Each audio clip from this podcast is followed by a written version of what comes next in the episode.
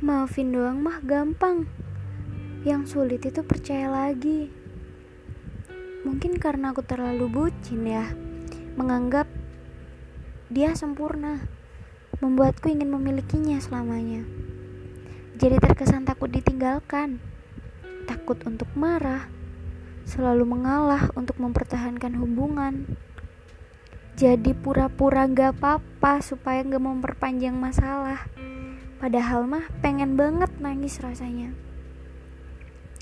Hingga akhirnya menyerah jadi pilihan karena aku sadar semakin sabar mencintai, semakin tak dihargai lagi.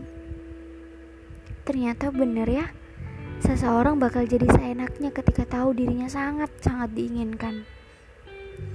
Jika kamu bertanya, kenapa aku memilih buat menjauh dan malas berurusan dengan perasaan? Jawabku hanya satu. Aku pernah saya yakin itu dan aku takut kembali ke fase terburuk yang pernah aku rasakan.